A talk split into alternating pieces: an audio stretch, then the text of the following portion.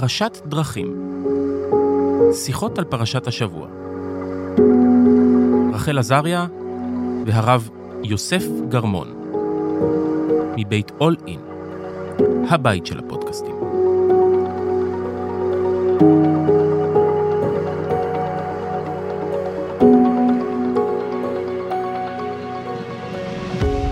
שלום וברוכים הבאים לפודקאסט פרשת דרכים, שמחים שאתם איתנו שוב.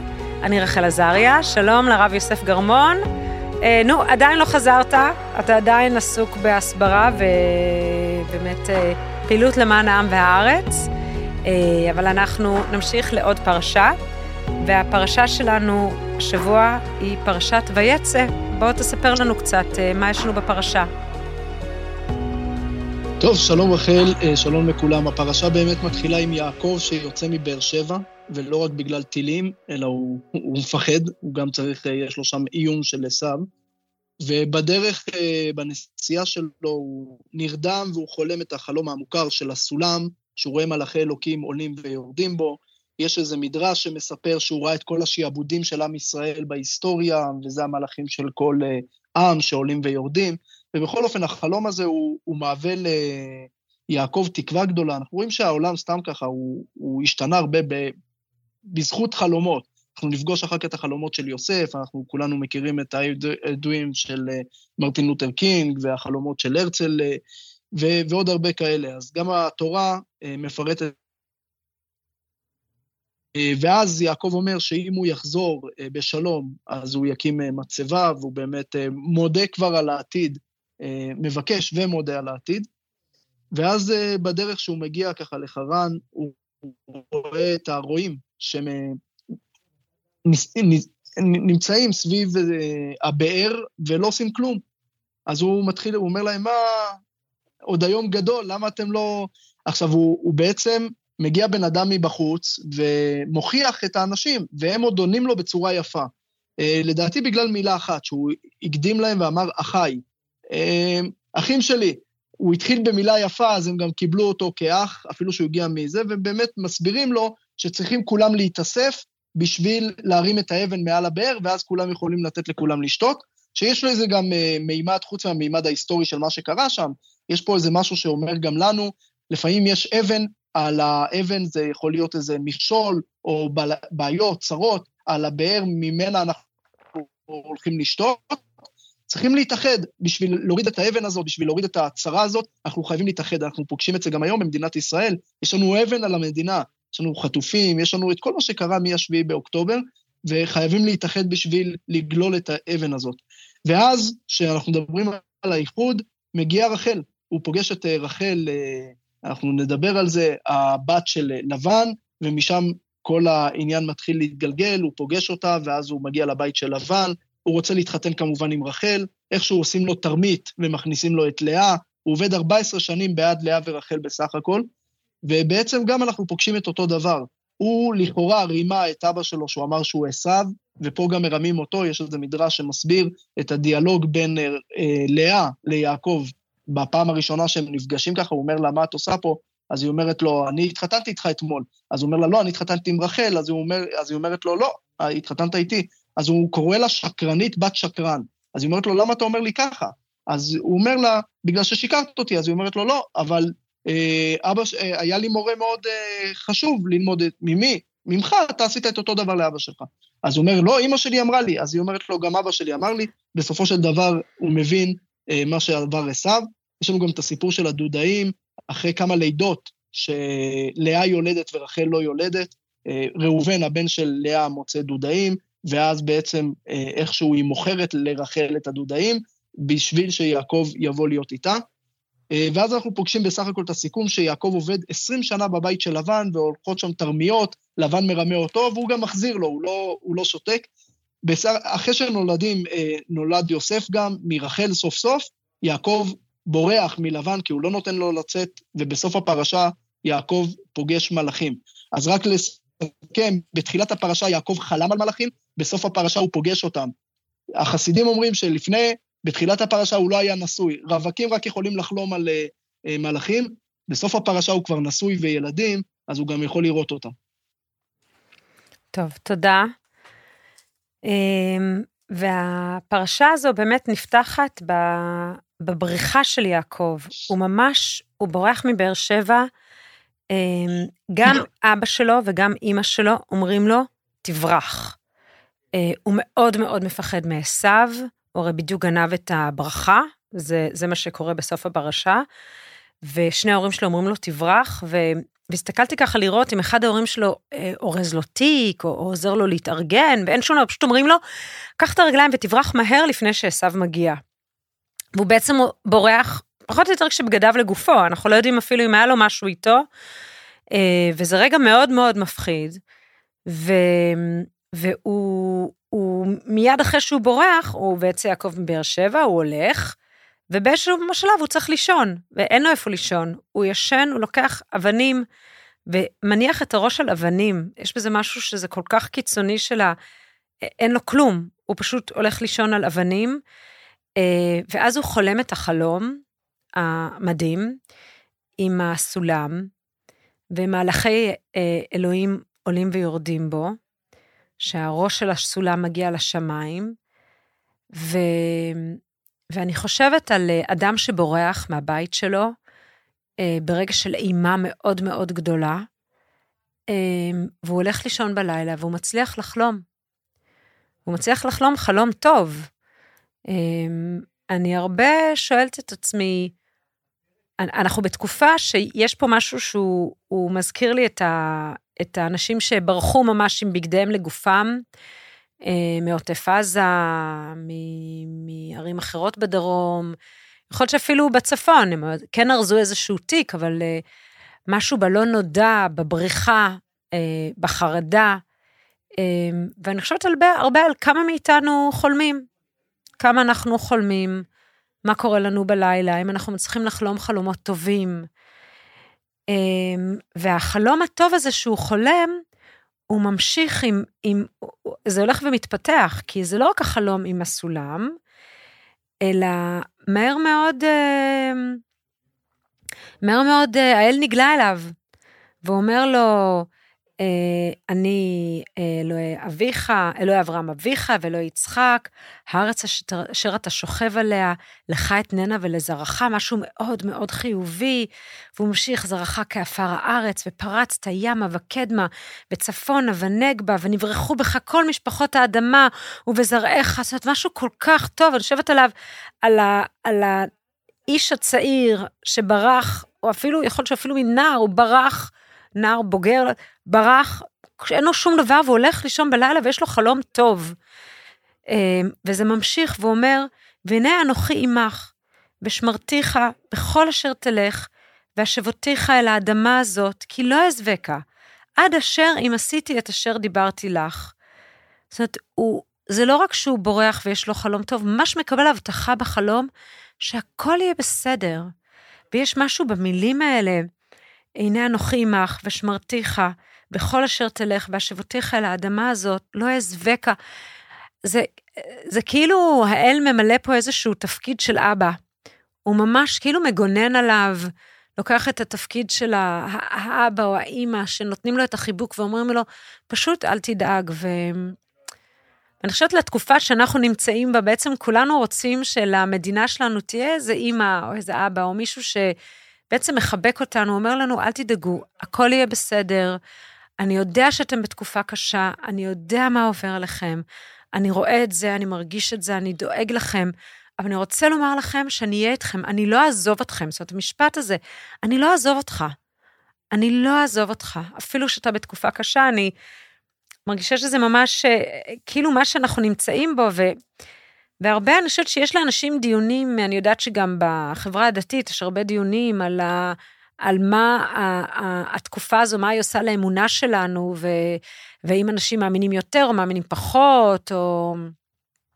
ויש את העמדה הקלאסית, שאני מאוד אה, חברה בה, באסכולה הזו, שהאל לא עובד אצלנו, הוא לא תפקידו לדאוג לזה שלנו הכל יהיה טוב, יש לו הוא עושה את מה שהוא עושה, הוא מנהל את העולם כמו שהוא מאמין, כמו שהוא חושב, ואנחנו, כל אחד יש לנו את התפקיד שלנו בעולם, אנחנו לא צריכים לצפות שהוא ידאג שהחיים שלנו יהיו מושלמים, או מין, אה, מין אמירה כזו שהיא אמירה אה, שבעצם מאפשרת להכיל הרבה מהרוע שמתרחש, ו- ו- ו- וזה כאילו לא מאיים על האמונה, אבל אני, הרבה פעמים אנשים שואלים, את מאמינה באלוהים? את לא מאמינה באלוהים? ו... ואני חושבת הרבה על זה שביהדות המצווה היא לא אמונה, המצווה היא אהבה. אמ, אנחנו בעצם פעמיים ביום, אנחנו אומרים שאנחנו אה, אוהבים את האל, אוהבים את האלוהים שלנו, ו... ואני חושבת שהעניין הזה של אהבה, אני חושבת שהאל שה, שאנחנו, האל שאנחנו מאמינים בו, האל שאנחנו חווים אותו, אני חושבת שהוא באמת, מה שאנחנו מקבלים ממנו הרבה פעמים זה את האהבה או את הנחמה. זה, זה הרגע ש... זה מה שיעקב מקבל ברגע הזה. אמ, ואני יכולה לומר שבבית כנסת שלנו, אני סיפרתי שאני מתפללת בבית כנסת שגם אה, נשים הן בעלות תפקידים, ו, ו, ואני אה, מתפללת, אה, מובילה, אני חזנית בהכנסת ספר תורה, ובכל מיני תפילות, מניין אורתודוקסי, זה... ואני חייבת לומר שאני חושבת שבימים האלה התפילות, הן מאפשרות לנו איזה רגעי נחמה. ואיזה רגעים של אה, שותפות גורל של הרבה אנשים ביחד, אפילו, אה, אני לוקחת את זה קצת רחוק, ואני ככה, אני מקווה, ש, אני מקווה שזה זורם. אמ, יש איזה סיפור שמספרים על, אה, על יהודים, להבדיל, כשהם הגיעו לאושוויץ, אז הייתה מין תפילה שאנשים היו אומרים, ש, שהם כאילו התפללו ואמרו לקדוש ברוך הוא, אפילו שאתה מנסה לגרום לנו לא להאמין בך, ו, וכמה שאתה מנסה, מעמיד אותנו בניסיונות בלתי אפשריים, אנחנו נמשיך להאמין בך. אנחנו נמשיך להאמין בך. אמ, ואני לא יודעת מה אני חושבת על זה, אה, זה מאוד מאוד מאתגר, אבל אני חושבת שההבנה שהרבה מאיתנו, אמ, אה, אנחנו בעצם practicing את היהדות שלנו, או נוכחים במרחב היהודי והמרחב הדתי והמרחב האמוני, זה הרבה כי זה מאפשר לנו את הנחמה שלנו. אה, ואני חושבת שיש פה רגע שיעקב ממש מקבל כמו איזה ליטוף מאוד גדול, אה, שמאפשר לו לשרוד את התקופה הבאה. ואני בעצם מייחלת לזה שלנו יהיה איזה מין ליטוף שיאפשר לנו לשרוד את התקופה הזו, שהיא תקופה באמת מאתגרת. אה, לברוח כמעט עם בגדיך על גופך אה, ולהיטלטל בעולם, אה, זה קשה. אני חושבת שאת החיבוק היום, שאולי מה שיעקב קיבל פה, אני חושבת שאת החיבוק הזה אנחנו מנסים כחברה לתת לעצמנו. להרעיף בכמה שיותר טוב את המציאות שלנו היום בחברה הישראלית. בתוך באמת אה, המבט אל הקושי והרוע והחרדה. אה, זה, זה נושא אחד שאני רואה בפרשה, אה, ו, ובוא תמשיך, אה, רב גרמון, לאן זה לוקח אותך, אה, ואחר כך נמשיך לעוד כמה דברים. קצת פמיניזם אחר כך, אה, שיהיה קצת... אני, שיהיה קצת פחות, אה, זה לא, לא רק איזון. המקום המאוד משתפך, כן? גם קצת, ה, קצת יותר קשוח. בכל זאת, אה, יש לי איזה פאסון שאני צריכה להחזיק, אז אה, כן, בבקשה. כן, אבל אני מזדהה, מזדהה מאוד עם מה שאמרת, מתוך uh, המציאות שאנחנו חיים אותה. Uh, היינו צריכים לעזוב את הבית uh, באשדוד, כבר היה בלתי אפשרי כמעט עם כל הטילים, במיוחד בשביל הילדים, ולהיטלטל בעולם ממש כפשוטו, ליטרל. וכן, התפילה, הדברים האלה נותנים כוח מצד אחד. מצד שני, גם תמיד יש את השאלות, אה, כמו שתמיד שואלים איפה אלוקים היה בשואה, או איפה אלוקים היה ב-7 באוקטובר. והיה רב אחד שאמרו לו, איך אתה יכול להמשיך להאמין באלוקים אחרי כל מה שראית בשואה? אז הוא אמר, אחרי כל מה שראיתי, אתם רוצים שאני אמשיך להאמין באדם? אה, הרבה יותר גרוע. ו, ויש כאן איזה משהו, יש כאן איזה משהו שתמיד שואלים, ושאלו אותי לא, לא, לא פעם ולא פעמיים בזמן האחרון, איפה אלוקים של התנ"ך שעשה כל כך הרבה ניסים, איפה הוא עכשיו? למה הוא לא עושה לכם ניסים? מה קרה? ויש כאלה שלוקחים את זה למקום, אה, ואני פוגש אותם, אפילו נוצרים אוונגליסטים, שלוקחים את זה למקום מסוים, יש כבר זרם שגודל, שעם ישראל היום זה לא עם ישראל של התנ"ך. ו- וזה לא, לא פשוט אה, להתמודד עם הטענות האלה. ומצד שני, היה לי דיאלוג עם חבר אתאיסט, שהוא אמר לי, הפוך, הוא אמר לי, גם אלוקים בתנ"ך לא עשה ניסים, והוא התחיל להגיד לי שיש איזה סרט שעשו על מכות מצרים, שזה היה בסך הכל השתלשלות טבעית של אה, אה, משהו שקורה ביאור, ובגלל החיים שמתחלפים יכול להיות דם, אדם מביא אה, צפרדעים, צפרדעים מתות מביאות קינים, עד שכל המכות של מצרים, איכשהו אתה מסביר אותן בצורה טבעית לגמרי, אפילו הבכורות מתו מאיזה וירוס שהיה כי הם היו במקום אחד. גם קריאת ים סוף הייתה קומבינציה של אה, רוח לילית עם צונאמי, שגם זה לא נס גדול. אז אמרתי לו, אתה צודק, כן, אה, באמת זה הכל השתלשלות טבעית. סיפרתי לו על איזה מורה שאמר לתלמידים שלו ש... קריאת ים סוף לא הייתה נס כל כך גדול, כי באותו זמן המים בנילוס היה כל כך, ביו, היו אה, בים, היה אולי אה, סנטימטר של מים, אז לא היה כמעט מים, אז זה לא נס כל כך גדול לעבור את זה. אז אחד התלמידים קם ואמר, עכשיו אני חושב שהנס הרבה יותר גדול, זה שהמצרים טבעו בסנטימטר של מים, זה נס מטורף. אבל המשכתי איתו, אמרתי לו, אתה יודע מה, זה גם לא נס, אבל אני אביא לך עוד קצת, אנחנו מתקרבים לחנוכה. קח את חנוכה, כן? מה הנס היה? איפה נס? מעטים ניצחו את הרבים, לא היו כל כך מעטים. היה, זה היה מלחמת גרילה, כמו בווייטנאם, שבסוף האמריקאים נאלצו לברוח. גם המכבים עשו גרילה, וגם זה לא היה יוונים, אנחנו יודעים שזה היה הסלבקים, האימפריה הסלבקית, שבעצם שלטה בארץ בסוף ימיה, והרומאים עזרו ליהודים כמו שהם עזרו לסורים להילחם. אז בעצם היה גם עזרה מבחוץ, וגם מלחמת גרילה, ובסופו של דבר הם הצליחו להעיף אותם, אז לא נס כל כך גדול. אה, פורים זה גם לא נס, תיקח מה, מה היה בפורים. היה מלך שעושה משתה, אנחנו פוגשים מלא מלכים בהיסטוריה שטיבריוס אה, בנה אי שלם של אה, אה, משתאות, ואחרי זה הוא, הוא התווכח ורב עם אשתו, זה גם לצערנו קורה, הוא הרג אותה. טוב, הנרי השמיני, אנחנו יודעים שהוא הרג כמה, אורדוס הרג, נירון קיסר הרג, ג'ון מלך אנגליה, פזל חאן מהודו, ועוד שליטים רבים בהיסטוריה שהרגו את הנשים שלהם לצערנו. בסוף הגיעה יהודייה אחת, גם זה לא נס. יהודיות תמיד היו איכשהו בשטח הפוליטי, את יודעת, אה, לא רק ישו היה יהודי, אשתו של מוחמד, היה לו לפחות אישה אחת יהודייה, אה, היהודים, הנכד של, הנכדה של טראמפ או של קלינטון, או השושלת הזקסית בגרמניה, או חכם קלונים, את היהודים, האדון יצחק אברבנאל או הרמב"ם, אה, תמיד היו, רצו להרוג אותם. טוב, תמיד רצו להרוג אותנו, והפרסים עד היום לא החליפו דיסק, והם רוצים להמשיך להרוג אותנו, ובעצם תמיד מסכמים את החגים היהודים, שניסו להרוג אותנו אה, הצלחנו, אז בואו נאכל, אה, הפסדנו, אז בואו נצום. אז זה גם לא נס, ובסך הכל אין שם נס גם בפורים. גם פסח היה איזו ריכוזיות שיוסף גרם, ובסוף איכשהו הם הצליחו לצאת. ואני אסיים רק עם מדינת ישראל, אמרתי לו, מדינת ישראל, אתה יודע למי אנחנו חייבים תודה למדינת ישראל? אנחנו עוד מעט מתקרבים להצהרה של האו"ם, כ"ט בנובמבר. אמרתי לו, אנחנו חייבים תודה ליפנים. אז הוא אמר לי, מה הקשר ליפנים? אמרתי לו, היפנים הרי נלחמו מול הבריטים בסינגפור וניצחו, ואז הגיעו להודו. הבריטים פחדו להפסיד את הודו, ואז הם מפסידים בעצם את רוב המזרח. אז uh, צ'רצ'יל התקשר לרוזוולט, הוא אמר לו, תשלח לי עזרה, אז הוא אמר לו, אני מוכן לשלוח עזרה, בתנאי שתוך שנתיים מסיום המלחמה אתם uh, עוזבים את המקום. ובאמת כך קרה, 1947, שנתיים אחרי הניצחון, אז הבריטים עזבו את, uh, את הודו, uh, נהרו הכריז עצמאות שם, אחרי זה בורמה, צידון וכל המקומות ליד, בעצם האימפריאליזם הבריטי נעלם, נגמר, במזרח. עכשיו, מה, מה זה אומר לנו? הבריטים היו בישראל לא בגלל, זה לא היה קולוניה בריטית. בכל הקולוניות הבריטיות נוהגים כמו בבריטניה וזה. בריטניה היו בארץ בגלל סיבה אחת, זה היה נקודת חיבור בין אה, אסיה, אפריקה ואירופה. ישראל באותו זמן לא היה כלום. חיים ויצמן, שהוא חזר מישראל, שאלו אותו איך ארץ ישראל בשבילך, אז הוא אמר, מקום מאוד יפה לייבש כביסה. ואנחנו יודעים מה מרק טווין כתב על ישראל שהוא חזר, הוא אמר, מכל הארצות הדיכאוניות, ארץ ישראל לוקחת את הכתר. אז ישראל לא הייתה שום מקום אטרקטיבי, הבריטים היו שם רק בגלל נקודת חיבור. ברגע שהם לא במזרח, אז הם כבר לא היו צריכים להמשיך את המנדט שלהם בארץ ישראל, וממילא אין להם שום עניין בארץ ישראל. אז אמרתי לו, זה גם לא נס, אבל אתה יודע איפה הנס? הצירוף מקרים הזה שאתה אומר, שהכל צירופי מקרים, הטיימינג הנכון של הצירוף מקרים.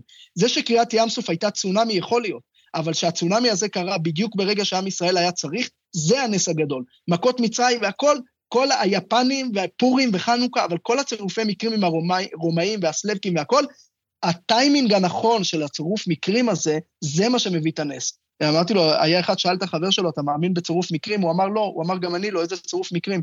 ואיינשטיין אמר על זה, הוא אמר, הצירוף מקרים זה הדרך של אלוקים להישאר אנונימי בעולם הזה. Hmm. ולכן, כשמשה שואל את אלוקים, הוא רוצה לראות אותו, גם אנחנו רוצים לראות את אלוקים היום. אז משה שואל אותו, אז אלוקים אומר לו, את פניי לא תראה, וראית את אחוריי. מה הכוונה? מקדימה אתה לא תמצא אותי. העולם מלא בכל כך הרבה צרות, בעיות, כאב ועצב, אתה לא תראה אותי. אבל וראית את אחורה, אם תסתכל אחורה על החיים, פתאום תגלה כל כך הרבה, אה, תקרא לזה צירופי מקרים, אבל אה, אתה תגלה כל כך הרבה אה, דברים שמסתדרים לכאורה בדיוק בטיימינג הנכון, אז אתה תראה את היד שלי, אז אתה תראה ותבין איפה אני בכל הסיפור הזה. אז נכון, עכשיו אנחנו בתוך זמן של כאב, וקשה לנו לראות את אלוקים, אבל אני בטוח שנסתכל אחורה, באיזשהו מקום אנחנו נבין ונראה גם את היד של אלוקים, גם בתוך הדברים הקשים האלה. אני אסיים עם איזה סיפור, היה בקליפורניה פעם רעידת אדמה לפני הרבה שנים, והיה איזה בחור שהיה בבית הכנסת של חב"ד שם, והוא ראה שכל הספרים נפלו. אז הוא אסף אותם, הוא אסף את כל הספרים וסידר אותם. למחרת הגיעו המתפללים, והם אמרו, כל העיר נחרבה כמעט, הכל בלאגן, והבית הכנסת, שום ספר לא נפל, אז הם עשו מסיבת הודיה. עכשיו, הבחור אמר לחבר שלו, איזה מסיבת הודיה? אני סידרתי את הספרים, הכל נפל. אז הוא אמר לו, אז אתה הנס שלהם. אתה הנס שלהם. אה, אה, הנס לא חייב להיות במלאכים שמתעופפים באוויר וכל מיני דברים אברה ו- וכל מיני דברים מוזרים. הנס זה דווקא הטבע. אני אגיד את זה בצורה יותר עמוקה, דווקא זה שאלוקים לא שובר את הטבע, ובתוך הטבע עצמו הוא מסדר את הטיימינג הנכון, זה הנס הכי גדול. זה, זה הדבר הכי יפה שאפשר לראות, אה, את היד של אלוקים בתוך הטבע, בתוך הדברים הקשים האלה, אה, בתוך ההסתרה שבתוך ההסתרה, אנחנו נוכל לגלות את אלוקים. לפעמים זה קשה בהווה, אבל במבט לאחור, אנחנו נגלה אותו. Uh, טוב, אני, uh, בזמן שדיברת, חזר לי הפאסון היותר יותר קשוח, ו... ואני לא יודעת, אני, אני מקווה שנגלה אותו. אני לא יודעת, אני, אני מודה שהעניין הזה שהוא לא עובד אצלנו, אני חושבת שהוא, יש בזה משהו שבעיניי עושה איזשהו סדר, אבל... זה התורה של ישעיהו ליבוביץ'. כן, כן, שהוא לא עובד אצלנו. אה, אלוקים לא שר, ה... לא שר הבריאות. כן, הוא... כן, זה האירוע, אבל אה, אני שנייה רוצה אנקדוטה, אמרת אברה קדברה, אתה יודע שאברה קדברה זה אב, אב הבן ורוח הקודש. אה, כן, ראיתי לזה 13 סיבות למה אברה קדברה, כל, כל אחד הביא טעם אחר. אז... ברקה כדברה ומכל מיני שפות מוזרות. ברקה כדברה, כן. אה, כן, אני, אה, האיש שלי, אה, יש לו פוסט דוקטורט בתלמוד ומשפחה כזו של פילולוגים, אז פתאום אתה מגלה זוויות חדשות, או את מגלה זוויות חדשות. אני רוצה, אני רוצה שנדבר קצת על, על רחל ולאה. אם נכון, בפרשה הקודמת דיברנו על זה שזה בעצם הוא האב היחיד, אה, ובעצם האירוע הראשון בעצם, אה, יצחק ורבקה, של באמת אהבה ביניהם, אה, וכאילו משפחה שאמורה להיות לא מתוסבכת. יש משפחה מונוגמית, יצחק אוהב רק את רבקה, הוא לא, לא נושא לעצמו עוד נשים, לכאורה כאילו הדברים היו אמורים להיות מסודרים וברורים. והנה, יעקב הסיפור של יעקב זה מעניין, כי יעקב, אני לא חושבת שהוא רצה להתחתן עם כמה נשים. המפגש של אה, יעקב עם רחל, הוא, אני חושבת על ההבטחה, ההבטחה שיהיה בסדר, אה, זה מעניין. זאת אומרת, בחלום, בחלום אה, האל מבטיח ליעקב שיהיה בסדר, והדבר הבא שמיד קורה, זה שהוא מתאהב ברחל. ואני חושבת על העניין הזה של יש לאהבה כוח כל כך גדול, לרפא את הקושי ולרפא את הרוע וה... נכון, כאילו, יש נחמה כל כך גדולה באהבה, אז יש פה בעצם שתי נחמות שקורות בפרשה הזו, שלוש אפילו. הוא בורח וגם הוא מקבל איזושהי נחמה מהאל, באמונה, גם נחמה באהבה, וגם נחמה אחר כך בילדים שנולדים לו. אה, באמת, מקורות כמעט אינסופיים לנחמה אה, ולביטחון.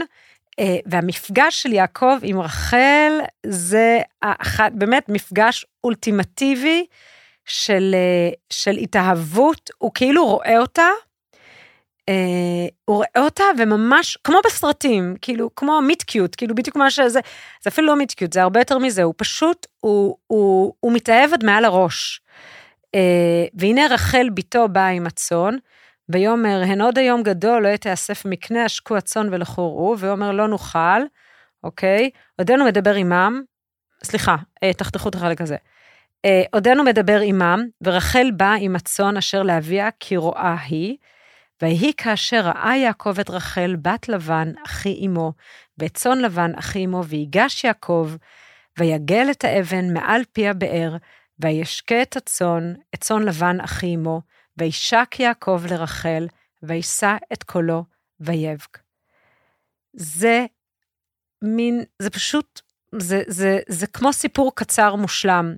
הרי יש את הרועים והם לא יכולים להזיז את האבן, ואיך שהוא רואה את רחל, הוא פשוט, הוא מאבד את הראש, הוא כל כך מתאהב, שיש לו את הכוח להזיז את האבן, משקה את הצאן, וניגש ומנשק את רחל, ו, ומתחיל לבכות.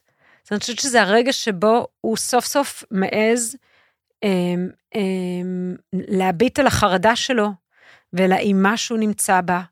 אמ, בעצם אה, הוא, הוא בחרדה מאוד גדולה, הוא ברח בחוסר קול. הוא אומר גם, אה, כשהוא קם מהחלום, אז הוא אומר, אה, הוא נודר נדר ואומר, אם יהיה אלוהים עמדי ושמרני בדרך הזה אשר אנוכי הולך, ונתן לי לחם לאכול ובגד ללבוש, זאת אומרת, הוא בכלל לא בטוח שיהיה לו מה לאכול. הוא לא בטוח שהוא, הוא, הוא, הוא בכלל לא, הוא לא יודע אם הוא יהיה בסדר, הוא מאוד מאוד מפחד.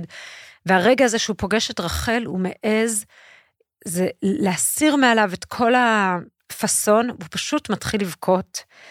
והוא כל כך, הוא פשוט, אה, הוא, הוא פשוט מתאהב עד מעל הראש. אה, והוא מנשק אותה, ו, ו, ואז הוא אומר לה, אני אחי, אה, שהוא אח של אבא שלה, והוא בן רבקה, והיא רצה ואומרת לאבא, והוא פשוט, הוא פשוט זהו, הוא מתאהב, והוא מוכן לעבוד עבורה שבע שנים, והשבע שנים הם עבורו כימים אחדים, זאת אומרת, יש פה איזה, איזה רגע התאהבות ענק, ובאמת, אה, אבל אז כמובן אנחנו יודעים שבליל הכלולות מחליפים ושמים לו את, אה, את לאה, ויש פה את הדינמיקה המאוד מעניינת, שמצד אחד לאה, אה, ברור שרחל היא הבת האהובה, היא האישה האהובה, בסדר? יש את האישה האהובה והאישה השנואה, ואלה, זו דינמיקה ידועה בפוליגמיה, שיש את האישה האהובה והאישה השנואה, וממש התורה מדברת על זה, על, על זה שאסור להפלות לרעה את ילדי האישה השנואה. זאת אומרת, זה כאילו ביטוי ידוע, יש את האישה האהובה, אישה השנואה, וברור שרחל האישה האהובה, וברור שלאה היא לא האישה האהובה, אבל זה מעניין, כי לאה מצליחה לקבל עם השנים איזשהו מעמד של האישה הטובה. יש תיאוריות בפמיניזם שמדברות על זה שתמיד תהיה את האישה הטובה והאישה הרעה. אה, האישה שבעצם אה, עושה את מה שמצפים ממנה, והאישה שלא עובדת לפי הכללים ולא עושה את מה שמצפים ממנה. וזה מעניין, כי, כי לאה היא אמנם האישה השנואה, אבל היא האישה הטובה. היא יולדת את הילדים, היא יולדת הרבה ילדים. אה, שישה מתוך השנים עשר הם שלה, זה המון, והיא לא מפסיקה ללדת. ו, והיא מגדלת אותם, והם ילדים טובים, והמנהיגות, גם ראובן וגם יהודה, שתי דמויות מנהיגותיות אה, מתוך, אה, גם לוי, שאחר כך נהיה הכהונה והלוויים, הכהנים והלוויים, ומשה הוא משבט לוי, זאת אומרת, באמת, הסיפור של לאה היא בעצם הופכת להיות הדמות של האימא הטובה, של האישה הטובה, אה, ורחל רחל היא אמנם האישה האהובה, אה, אבל היא בעצם, היא האישה הרעה. אה, היא גונבת את התרפים, היא לא מצליחה ללדת ילדים. ואני אגיד שאני חושבת על זה הרבה, אה, אני הרבה פעמים מוצאת את עצמי בתפקיד של האישה הרעה. מה זה הרעה? אני פשוט פחות קונפורמיסטית, בכל מיני דינמיקות שמצפים מנשים להתנהג בצורה מסוימת. אה, נשים, איך זה הולך? אה, אה, ילדות טובות לא משנות את ה... לא, לא משנות עולם, לא עושות היסטוריה, תכף אני אסתכל איך אומרים את זה. ואני חושבת, בוא, רגע, שנייה, אפשר לעצור, אני שנייה אחפש את ה, איך המשפט הזה הולך.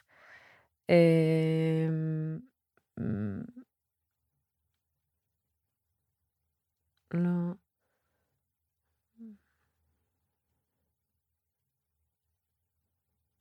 סליחה. אמ, נו, למה אני לא מוצאת את זה פתאום? אוף. אמ,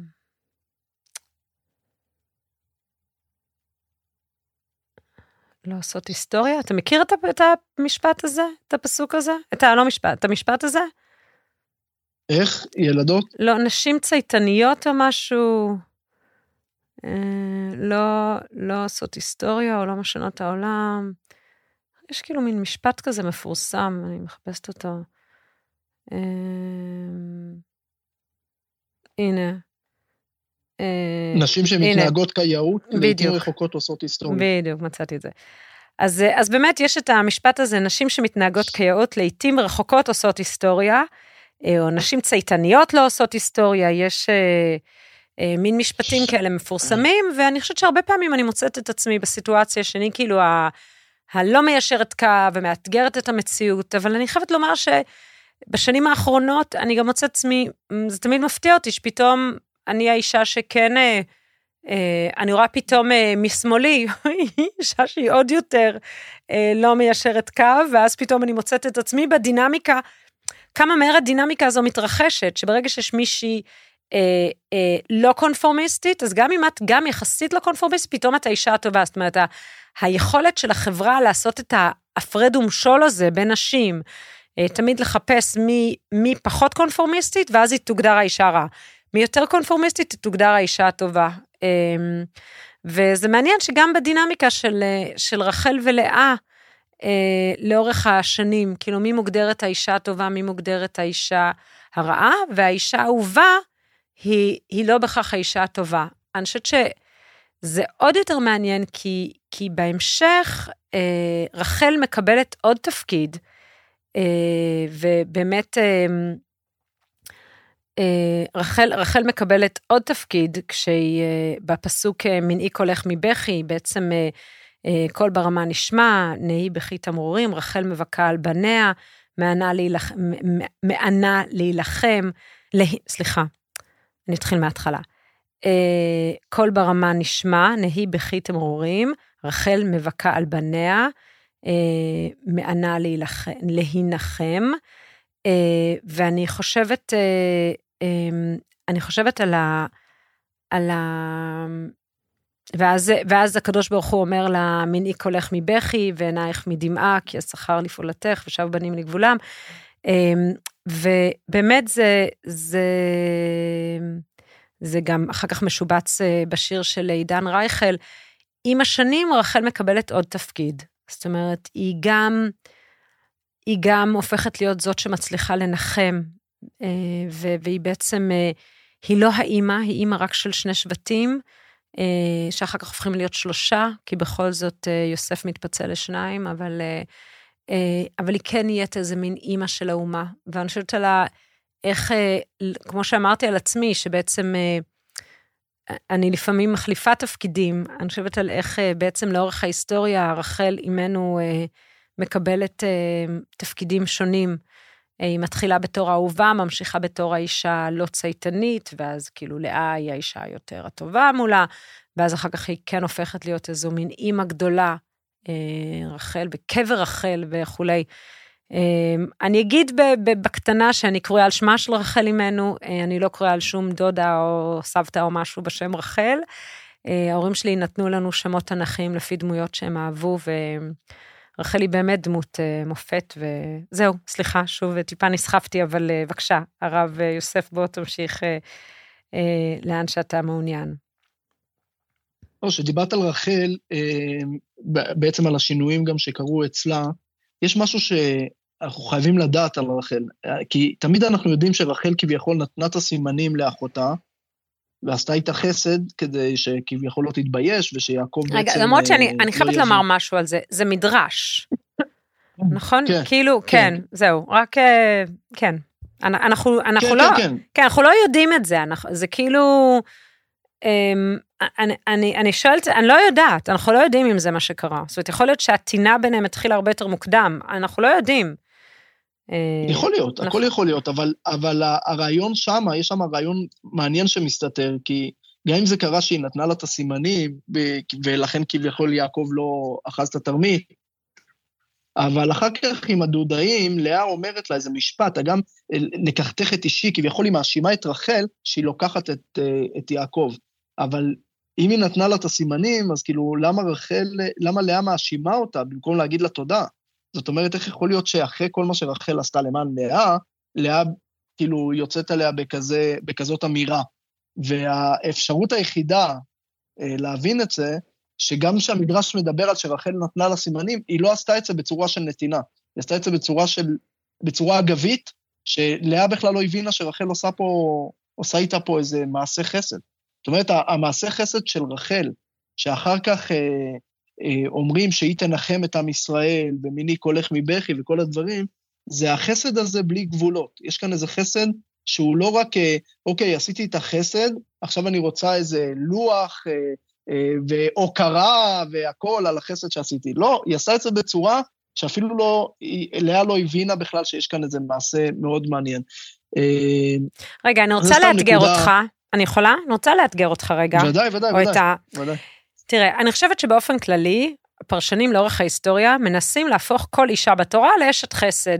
אני חושבת שיש בזה משהו שהוא מאוד, אה, הוא, הוא מאוד מרגיע ומאוד מקטין את העוצמה של הנשים. אני חושבת, ש, אני חושבת שנשים הרבה פעמים אנחנו עוברות איזושהי סוציאליזציה שאנחנו אמורות, אה, אנחנו אמורות אה, אה, לתת, נכון? אנחנו כולנו אה, מחונכות מגיל מאוד מאוד צעיר להיות אלה שעוזרות לאחרים, אלה שנותנות לאחרים, אה, ו, ו, והדמויות התנ"כיות הן דמויות מורכבות יותר, דיברנו על זה גם אה, על רבקה לפני שתי פרשות, בפרשת חיי שרה, דיברנו על רבקה, זו אישה מאוד חזקה, פיזית, היא. משקה עשרה גמלים, כאילו היא חייבת להיות מאוד חזקה, ואיכשהו גם אותה הופכים לחסד. וגם פה הסיפור של, של רחל ולאה, הוא סיפור בעצם של מאבק של שתי נשים על אהבה של הגבר, ועל, ועל, ועל אבא שלהם שמשחק איתם ו, ומבטיח אחת ל, ל, ל, לגבר שמאוהב בה עד מעל הראש, איך שהוא רואה אותה, הוא, הוא מתחיל לבכות וכל, וכל הלחץ וכל החרדה וכל האימה מתפרצים והוא... הוא כאילו משהו בו משתחרר ו, והוא כל כך אוהב אותה ופשוט האבא בלי להתבלבל מחליף ביניהם וכאילו וזה מעניין, כי לאה היא, היא כועסת על רחל, כשבכלל לא צריך לכעוס על רחל. יש איזה רגע, אגב, שהם שתיהן ביחד מבינות, כשהם בורחים, כשהם בורחים מלבן, ויעקב בא ומדבר איתם, והוא לא יודע איך הם יגיבו לזה, ואומרות, מה זאת אומרת, הוא, אבא שלנו כבר שכר בנו מהרגע הראשון, אנחנו מבינות היטב את האירוע. אבל, אבל הרבה פעמים זה באמת קורה, שהאנשים בסוף, אנחנו כאילו, האנשים בחדר, אנחנו כאילו רבות על הפירורים. אנחנו, ו, ו, ו, ומפנות את הזעם אחת אל השנייה, כשבעצם, בעצם העוול הוא בכלל לא עוול, לאה לא עשתה עוול לרחל, ורחל לא עשתה עוול ללאה. עשו עליהם עוול. כאילו, הם מצאו את עצמם באירוע של עוול לא אחת מול השנייה. ואני חושבת שגם אם רחל כן, לא אני... נתנה את הסימנים, שנייה רגע, גם אם רחל לא נתנה את הסימנים, ואני בכלל לא בטוחה שנתנה את הסימנים, אני, אה, איך לאה כועסת עליה? כאילו אבא שלהם אה, אה, אה, הבטיח ליעקב את רחל, הם היו מאוהבים, הם התנשקו בשנייה הראשונה שהם נפגשו, היה שם רגע כל כך, כאילו של באמת, head over heels הוא, הוא התאהב בה, ו, ואז הוא מחליף בלילה, כאילו, ואני חושבת שזה הרבה פעמים קורה, אפרופו תיאוריות פמיניסטיות ו- ו- וסיטואציה פמיניסטית, אני חושבת שהרבה פעמים זה מה שקורה בין נשים.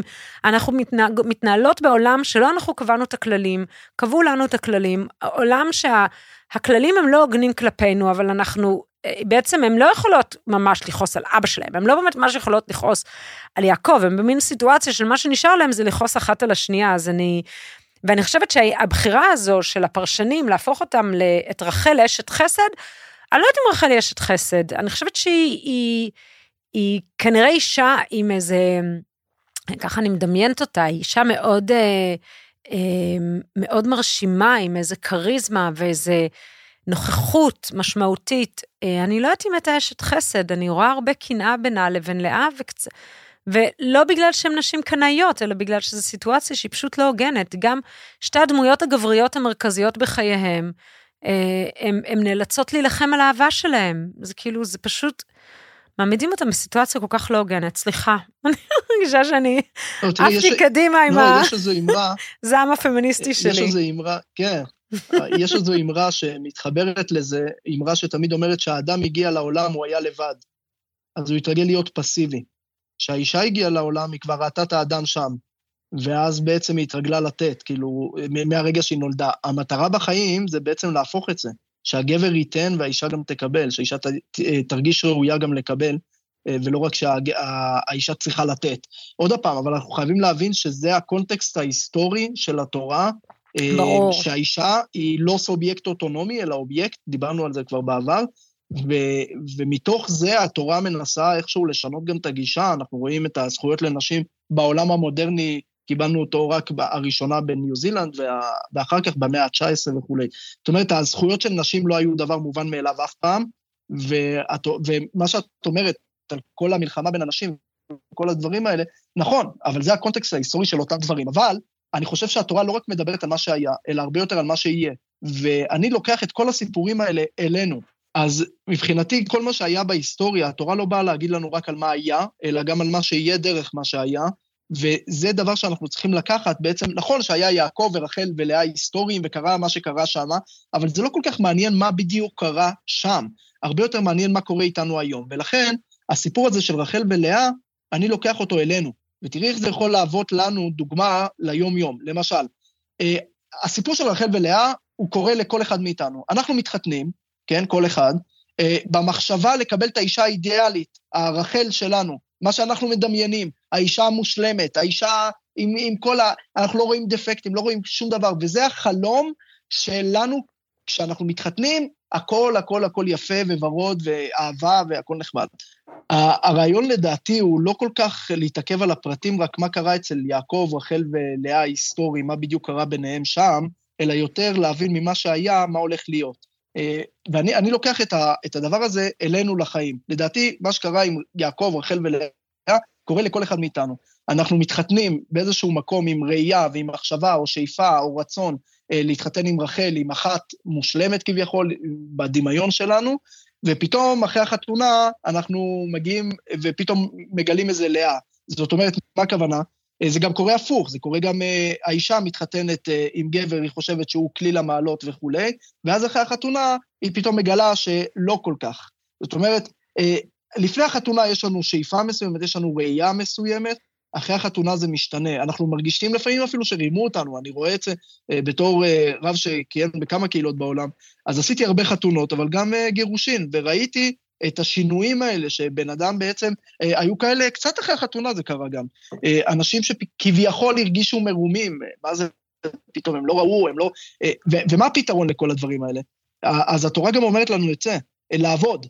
זאת אומרת, אהבה זה לא אה, מה שהביטלס אמרו, כל מה שאתה צריך בחיים זה אהבה. האהבה זה לא מגיע פתאום, זה לא מגיע מהשמיים. אהבה צריך לעבוד עליה. זאת אומרת, בשביל, אה, תמיד אני אומר להם בעולם, סתם, שאהבה לישראל או אהבה, אה, היא חייבת להתבסס על מעשים. כי בלי מעשים, זה כמו שיהיה לך מרצדס למשל, בלי דלק. אתה, אני השקעתי כל כך הרבה, אז למה זה לא עובד? כי אם אין דלק, את הדבר הכי פשוט, זה לא יעבוד. וגם באהבה זה עובד ככה. אין אהבה שהיא רק רגש מולד וככה זה יישאר. אם אנחנו לא נתאמץ ולא נעבוד, אז אנחנו נישאר עם הלאה שלנו ולא עם הרחל. זאת אומרת, בשביל להגיע יעקב, בשביל לקבל את הרחל שלו, הוא חייב לעבוד. אנחנו חייבים לדעת שההקרבה הזאת היא בין הגבר לאישה, או בין האישה לגבר, כי דיברנו על זה מקודם גם, שהגבר כביכול הגיע לעולם אה, לבד פסיבי, והוא רק אה, מצפה לקבל, אבל אם הוא רק יקבל, אה, לא תהיה אהבה. אני אגיד לך את זה במשפט אחר, אני אומר שהלב זה סמל אהבה, זה האיבר היחיד שמקבל ונותן דם כל הזמן.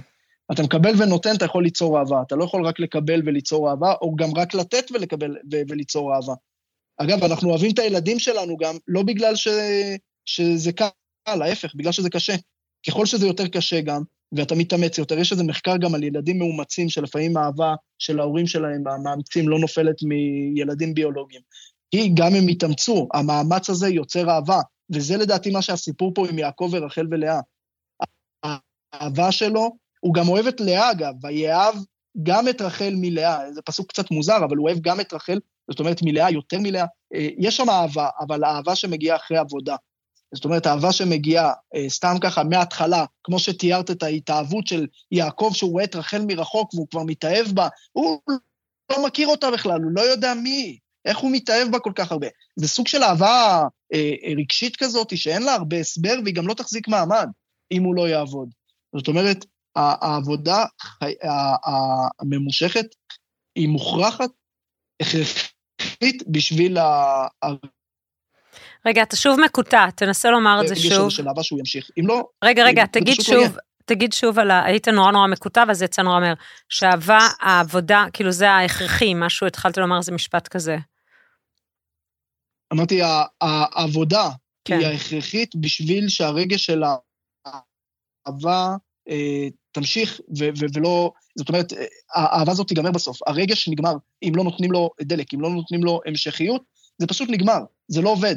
אגב, היהדות, אנחנו תמיד מדברים עליה אה, כדת של מצוות וזה, אבל היא גם דת של אהבה. זאת אומרת, היהדות מדברת הרבה לאהוב את אלוקים, לאהוב את הזר, לאהוב... נכון. יש הרבה אה, פסוקים, איך אפשר לאהוב את אלוקים? אני לא מכיר אותו בכלל. על ידי שאתה מתאמץ, אתה עושה, אתה מקיים את הדברים של הדת, זה יוצר אצלך רגש. זאת אומרת, זה עובד הפוך. אתה לא מקיים כי אתה אוהב, אתה אוהב כי אתה מקיים.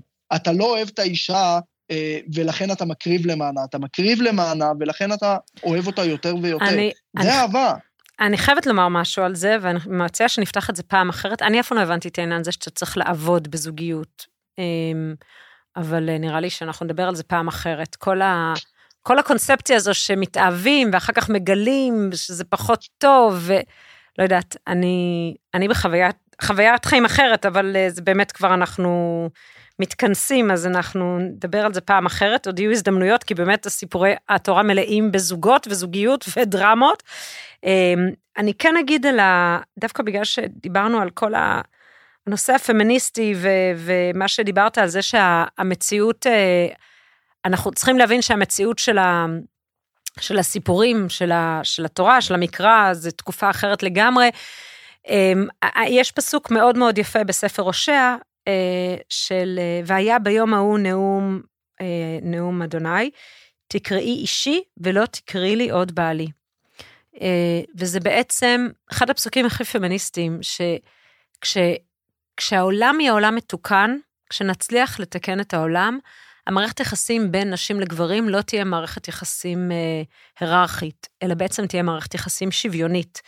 אה, בתוך המשפחה, מחוץ למשפחה, ובעצם זה, זה, זה חלק מהנבואה של, ה, של העתיד הטוב יותר. אז כל מי שמתווכח ואומר שהיהדות היא לא פמיניסטית, אז אה, רק שתדעו שיש בה הרבה יסודות כאלה. אבל אה, נראה לי שאנחנו כדאי שנתכנס לסיום. אמ, אז, אז דיברנו על כל כך הרבה דברים מעניינים, על הנחמה שבעצם האל נותן ליעקב כשהוא בורח בחוסר קול. שהוא ממש כמו אבא, ומנחם אותו, ועל הנחמה שמגיעה ליעקב מה, מהאהבה הגדולה לרחל, אה, ההתאהבות הטוטלית שלו ממש ברחל. אה, אה, גם דיברנו על הניסים בחיים שלנו, איך נראים ניסים בחיים שלנו, אה, על היחסים אה, של רחל ולאה, תיאוריות פמיניסטיות בהקשר הזה, באמת היה כל כך הרבה, וככה הפרשות בספר בראשית, יש פשוט אין סוף. וזהו, אה, תודה רבה שהקשבתם אה, לפרשת דרכים לפרשת ויצא, אה, ותודה רבה לרב יוסף גרמון, ותעקבו אחרינו, אתם מוזמנים להקשיב לשאר הפרקים.